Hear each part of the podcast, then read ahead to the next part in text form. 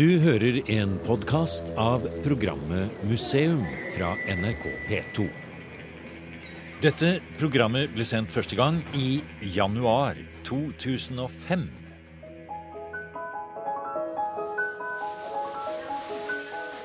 Det knitrer i silkepapir, og ut kommer en liten, rund ting. Og så tar du opp er en liten tupé, løshår. Karl Johan hadde på seg denne lille Yes. tupeen her. Yes. Ja. Den er ikke så stor, den er som en Nei. liten rund. Karl den 14. Johans tupé. Og veldig mye annet. Og selvsagt mye viktigere, som kroningsklær og utstyr fra alle de fire unionskongene og deres dronninger, er på vei til Norge. Blant annet på Maihaugen blir det stor jubileumsutstilling i februar. Broderfolkenes vel heter den. Det samme som Oskar 2.s valgspråk. Og selvsagt handler det om unionen med Sverige og 1905. Det interessante med 1905 var jo at det var her det skjedde. Alt skjedde her. Sverige eh, altså Man kan si det sånn Kristiania agerte. Stockholm reagerte. Og for en gangs skyld var byen i sentrum for verdens oppmerksomhet. Det var ganske spennende. Direktør Lars Rode på Oslo bymuseum forbereder også en 1905-utstilling. Men den skal ikke handle om de kongelige symboler og gjenstander. Den skal handle om stemninger, folk i gatene, mentaliteten, den nye tiden som kom sammen med unionsoppløsningen. Vi lager på en måte to utstillinger som henger sammen. En som heter eh, Kristiania i 1905 frihet og fremtidshåp. Som på en måte gir et øyeblikksbilde av byen på denne tiden. Eh, hvor vi bruker er, det som er vår største skatt, nemlig en fantastisk mengde bilder. Og, og ellers supplerer vi gjenstander for å prøve å gi et bilde av stemningen og mentaliteten og menneskene i byen på den tiden. Og da eh, fokuserer vi særlig på de tingene i datidens samfunn som på en måte peker fremover. Som, som eh, forteller noe om hva som videre skjedde på 1900-tallet. F.eks. at kvinner kom ut i arbeidslivet i større grad. At, eh, så en person vi på en måte haler frem, eh, er kontordamen, som et slags nytt fenomen i arbeidslivet. Vi fokuserer på engasjement. Det at årene rundt 1905 er en tid da forferdelig mange foreninger, kampsaker og foreninger etableres. Altså Arbeiderbevegelsen vokser frem. Avholdsbevegelsen vokser frem og får til totalforbud ganske kort tid etter. Målsaken kommer. 1906 Norges Mållag, 1907 Riksmålforbundet. ikke sant? Det er en veldig kraftig foreningsliv. Veldig, og masse kristne vekkelser skjer på denne tiden også. Det er et voldsomt engasjement. Det har kanskje å gjøre også med at folk er mer opplyst, har gått mer på skole, har litt mer fritid. For arbeidsforhold for folk flest bedrer seg. Det er ikke øh, uten grunn at Norsk Hydro grunnlegges i 1905, Elkem i 1904. ikke sant? Dette er, dette er en ny vekstperiode som skjer. Det er en sterk øh, næringsliv som etablerer seg Og byen bygges jo. Byen bygges i aller høyeste grad. Ja. Arbeidsplasser. Stor tilflytting. Ja, så det, så det er disse fenomenene vi eh, legger vekt på. Og så snakker vi også litt om det som jo folk flest hva de gjør. En, en ting som er nytt av tiden i Kristiania by, det er utpreget sånt eh, friluftsliv. Um, ut i Nordmarka og gå på ski. Hvem får dem til å gjøre det? Fridtjof Nansen, selvfølgelig, som begynner. Uh, og så kommer Holmenkollbanen i 1898 og gjør det virkelig mulig å komme ut i Nordmarka på tur og på ski. Og så er det badeliv i fjorden. ikke sant? Dette, dette er også ting. Og Norges Fotballforbund startes. Idrett i det hele tatt blir populært. Det er ganske spennende når du forteller sånn, Rode. For man forestiller seg jo at skal man finne tak i norsk industrihistorie, vel, så skal man til en fjord i Odda eller Sauda, eller liksom, man skal til Rjukan kanskje. og det, Alt dette er jo riktig. Men det er klart, her i hovedstaden da, så arbeider jo dere med alle disse trådene som samles på, én ja. gang. Og det blir kanskje noen ganger litt oversett, det, at på en måte Oslo som hovedstad, altså det å gå på oppdagelsesferd i byens historie, også er en del av nasjonens historie. Ja, her er jo også alle fenomener som fins i landet, det fins jo her. Her kan du si, her er, her er alltid en fortettet form. Alle stemninger og alle ting som skjer i landet, skjer her i Oslo. Og i hvert fall i 1905 så var jo begivenhetene fant jo aller høyeste grad sted her. For der her alt skjedde. Uh, og, det, og det er noe av det spennende. Det tar vi for oss i den andre biten av utstillingen, som da skal hete 'Det merkelige år'. Men det er også et poeng, for vi kan dele inn det som skjedde i 1905 i flere faser. Altså det er en forberedelsestid. Det er, det er en gjennomføringstid rundt Og Så er det jo disse fantastiske datoene som er så ja, viktige. 7. juni og folkeavstemningen i august ikke sant? og kongens ankomst i november osv. De tingene Alt skjer her. Alt skjer her. Og da er det hvor det skjer i byen. Og hvem som er med, som er i fokus på den biten av utstillingen. Og da vil vi nok uh, vifte en del med flagget og ta frem de der bildene av begeistrede folkemengder som uh, strømmer i gatene 7.6. Eller som tar imot kongen med æresporter og illuminasjon i november. Det blir storartet.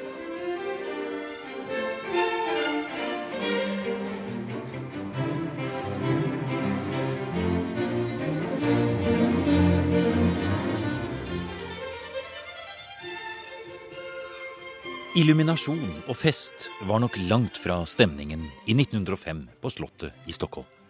Et både politisk og også personlig nederlag må det ha vært for kong Oskar 2., som hadde mislykkes i sine forsøk på å holde unionen samlet.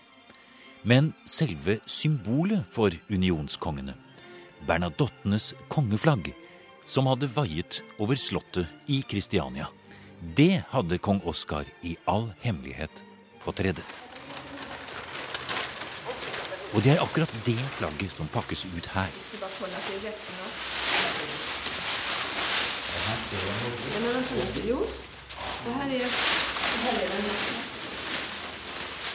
På gulvet i fotorommet på Det kongelige livrustkammeret i Stockholm rulles det aller siste kongelige unionsflagget ut.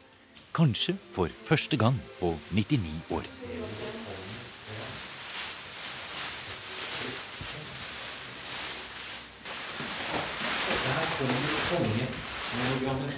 Se på det fantastiske. Det er et stort flagg som har blitt eh, rullet ut her nå. Og det er jo selve kongebanneret som vaiet over det norske slottet med den nær sagt norsk-svenske kongen inn. Ja, det, den har sittet på slottet i Kristiania. Ja. Så her er det, det unionsvåpenet i midten.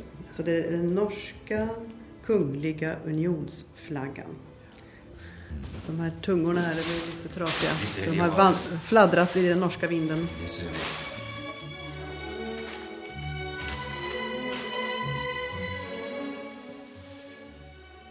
Vi skal ta en nærmere kikk både på denne flaggrelikvien og på noen av de andre flotte gjenstandene som pakkes i Stockholm med adresse Norge. Men først litt om bakgrunnen for dette symbolske flagget. Og historien bak brevet fra den abdiserte konge i Stockholm til sin slottsforvalter i Kristiania. Og flagget som symbol, det er noe Lars Rode har interessert seg for. Ja, det har jeg fordi det er klart at noe av det Altså med nasjonalismens århundre, 1800-tallet, da, da, ble flagg forferdelig viktig over hele verden. Før hadde det vært en enkel måte å identifisere handelsskip, rett og slett. På 1800-tallet ble det et nasjonalsymbol for alvor, og, og, folk begynte å bruke det i andre sammenhenger. Og da var det jo pinefullt for Norge først at de ikke hadde noe ordentlig flagg. Det fikk de i 1821. Men det var, eh, men, men det var jo sånn at orlogsflagget var svensk, med et lite slags norsk merke i hjørnet. Og det ble følt veldig utilfredsstillende. Så fikk vi i 1844 dette velsignede morgengaven til det norske folk, nemlig et symbolsk likestilling mellom de to landene med unionsmerket i begge flagg. Altså svensk med unionsverket og norsk med unionsverket. Og da er det ikke lenger en underordning i flagget, da er det en likestilling. Og det gjenspeiles jo da i flagget. Den rene politikken mellom de to land ser man komme til uttrykk i det nye flagget. Ja, det, det, er veldig markert, og derfor ble dette flagget veldig populært i Norge. det. Og det var jo 1844, kong Oskars tid, var jo, var jo en tid da unionen var populær.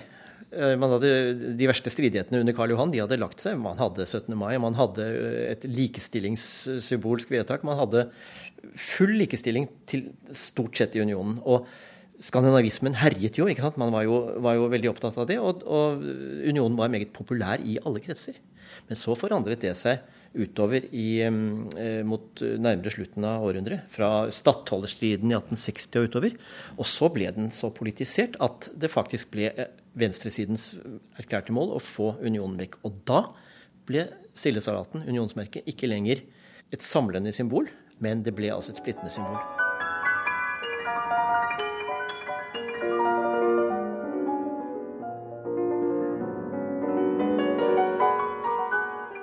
Men midt i denne intense flaggstriden på 1890-tallet, hvor det altså er slik at en likestilt union med tilhørende flagg har mange og sterke tilhengere, Noe som kanskje fort blir glemt i et år hvor man feirer at den andre siden vant. I denne situasjonen kunne man i en by som Kristiania fullt lovlig flagge med minst tre forskjellige typer norske flagg. Det kom bare an på hvor man heiste flagget. Og da har du det morsomme at uh, i 1898 så fikk altså venstresiden i sitt program igjennom rent flagg. Men de hadde da grunnlovsmessig bare rett til å gjøre det for handelsflagget. De hadde ikke lov til å gjøre det for orlogsflagget. Men så innførte de en ny type flagg som vi ikke hadde før. De innførte flagg på statens bygninger, nemlig um, splittflagget som da var rent. Så vi hadde en merkelig stilling. Har du, et, du, har en plansje her hvor vi ser det står her 'Statens bygninger'. står det. Statens bygninger, ja. Så på Stortinget, som var statens og ikke kongens, der heiste de det rene norske splittflagg.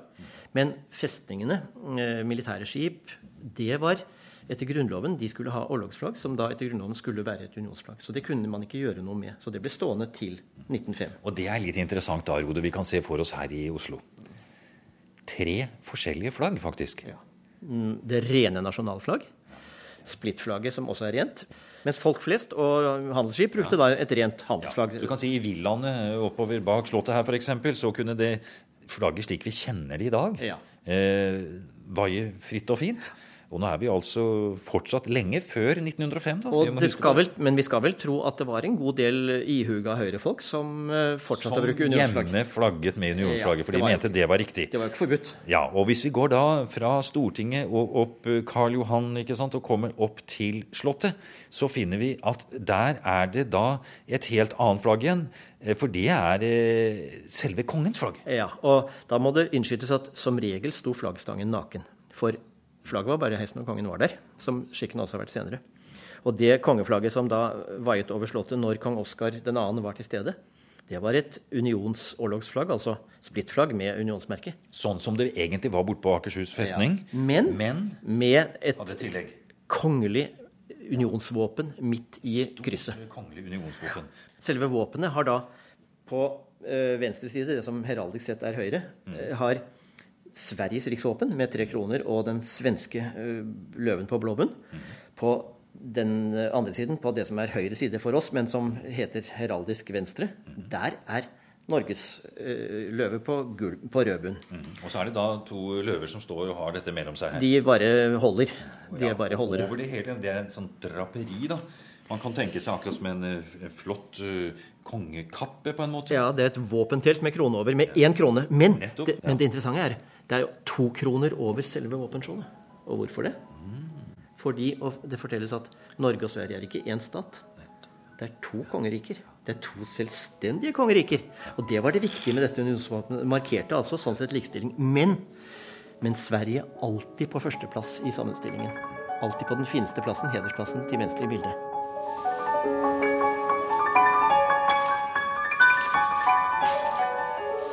Og bildet, bokstavelig talt, malt på flagget, er et utrolig flott syn, der det forsiktig foldes ut på gulvet i livrustkammeren. Du kjenner på det akkurat Ja, det er, for det er målet. Det er målet på tyg og sen innfelt i selve tyget. Ja, og det har jo holdt seg fantastisk bra. Du kryper Utover flagget der, Du står litt ved siden her. Ser på Det er flott flagg jättefint. Jättefina färger kvar. Fantastiskt. Ja. Det er et av de flotteste norske flagg jeg tror jeg har sett. Det er en så fin eh, fargeglans i ja. Nej, nej, absolut inte. Den här har aldrig varit utställd. Det tror jag inte. Den är besvärlig att ställa ut också för den är enormt eh, lång. Jag tror den är 3,5 meter. 3,5 meter och nästan 2 meter hög. Så den har nok ikke vært brukt så mye, for den skulle jo altså da uh, Den skulle jo ha blitt blekt om den hadde anvendt ja, veldig mye. Den skulle jo ha over slottet hver gang uh, Oskar mm. var der, og han var kanskje ikke så veldig mye der i 1880- og 90-årene. Egentlig, det var jo litt ja. ja. Så den men, har nok uh, ligget nede, ja. Men, men, man undrer om den kan ha vært Eh, hastigt gjord. Den, den, har dragit sig lite och det är olika material i dem. Mm, det blå här ja, Det här blå är ett helt annat material. Ja. Än det, det, här är vanlig flaggduk i det blå, det röda och det vita. Mm. Men den blå är något eh, helt annat material som jag inte riktigt förstår. Mm, jag är inte så säker på det. Det är, det är inte flaggduk i alla fall som man brukar använda. Ja, Og så ser vi at selve denne såkalte sildesalaten oppi hjørnet der, der det, ser vi i sømmene der at det er Ja, der har det hendt ting. Der har det sluppet litt, og det har nå draget seg. Jeg undrer om det kan ha vært Det har vært bråttom. Ja, de har kanskje Ja, det er fuktig. Mm. Og den som pakket ned og sendte flagget fra Slottet på Drammensveien til den rette eier i Stockholm, hvem var det?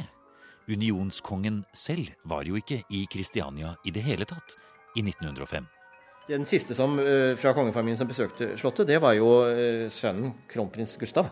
Som, eh, som, var der to ganger i 1905 og spilte litt låntennis og sånt.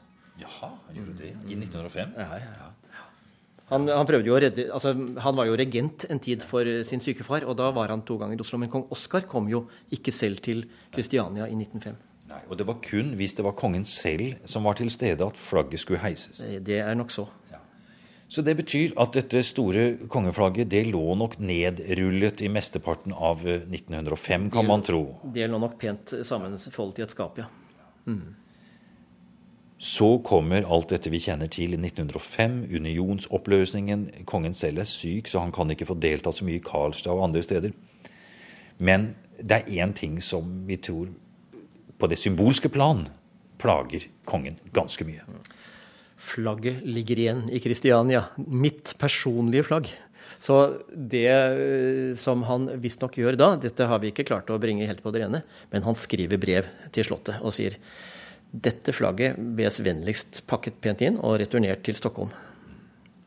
Hvem er det han kan skrive det brevet til, tror du? Det øh, gjenstår å finne ut av. Vi må forske videre i det. Men jeg tipper at han skrev det til øh, hoffsjef Rustad, som øh, som uh, var hans nærmeste uh, underordnede og sjef for hoffforvaltningen i, Kristiania. Kristiania.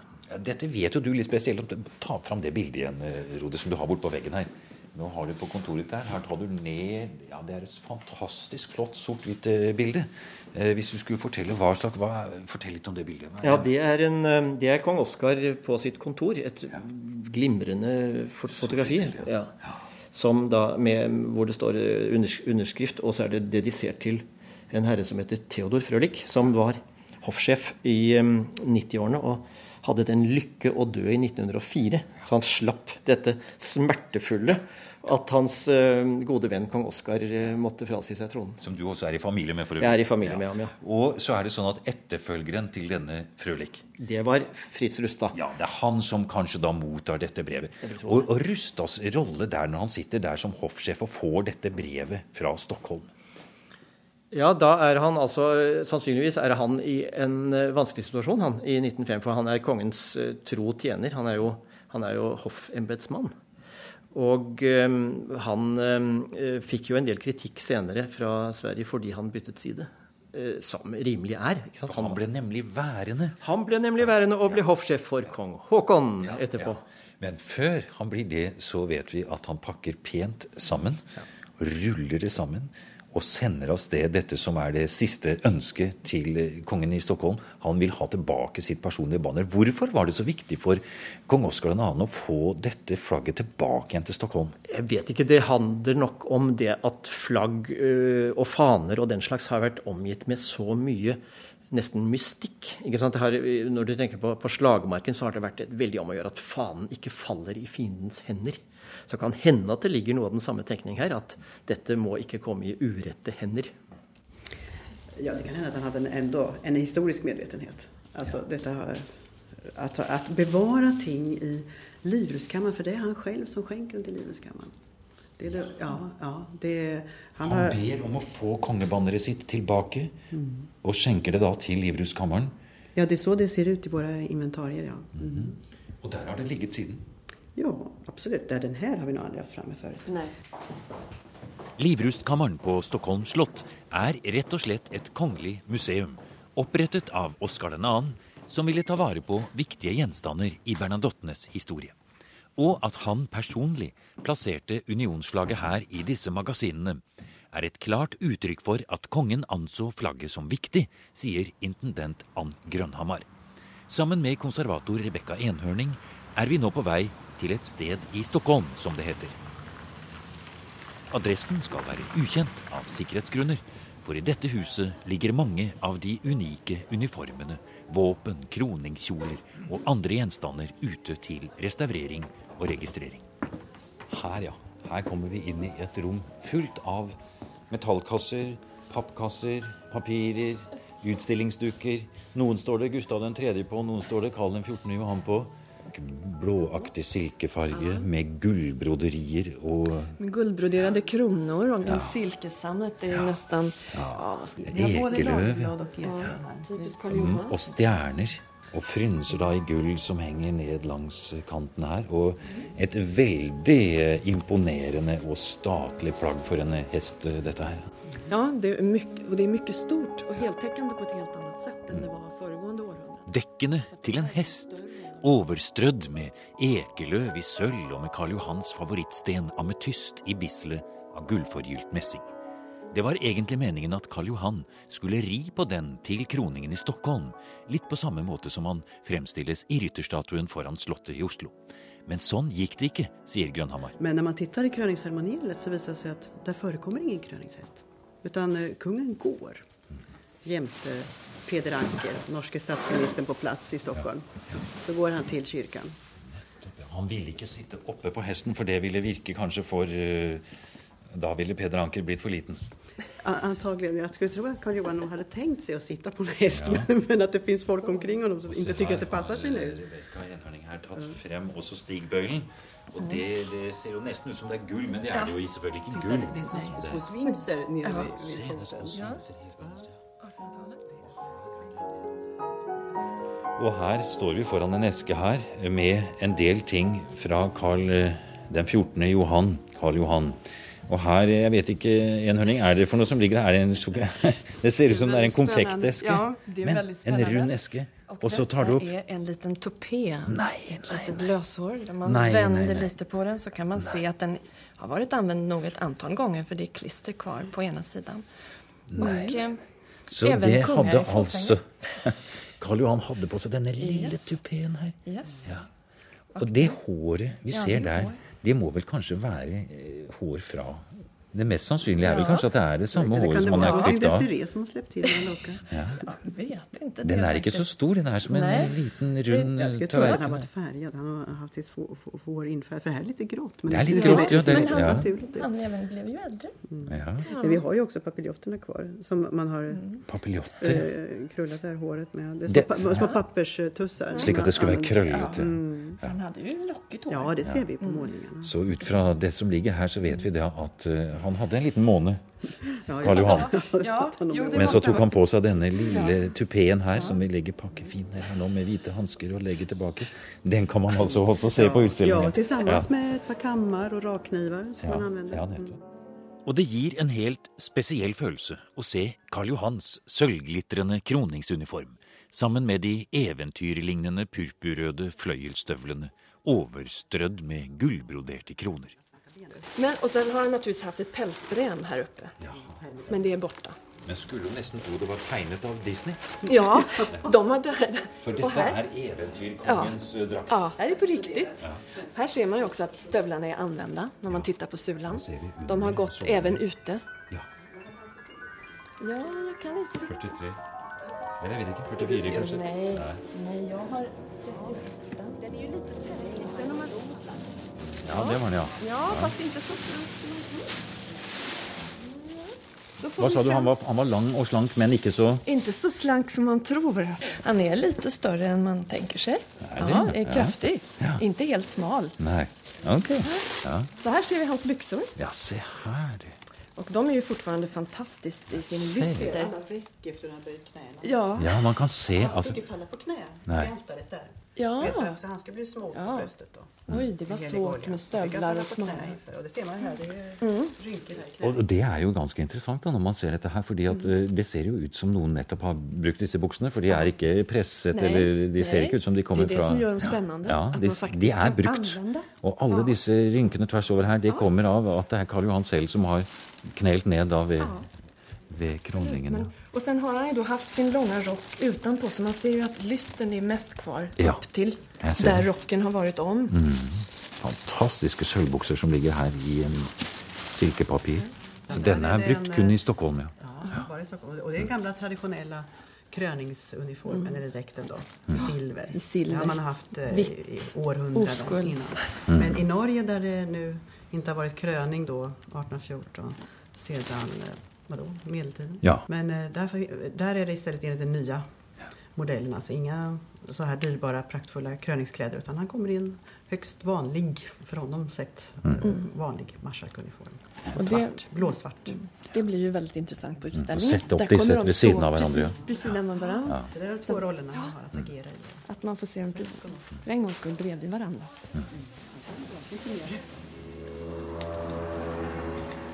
Du har hørt en podkast fra NRK P2. Send gjerne en e-post til museum krøllalfa nrk.no.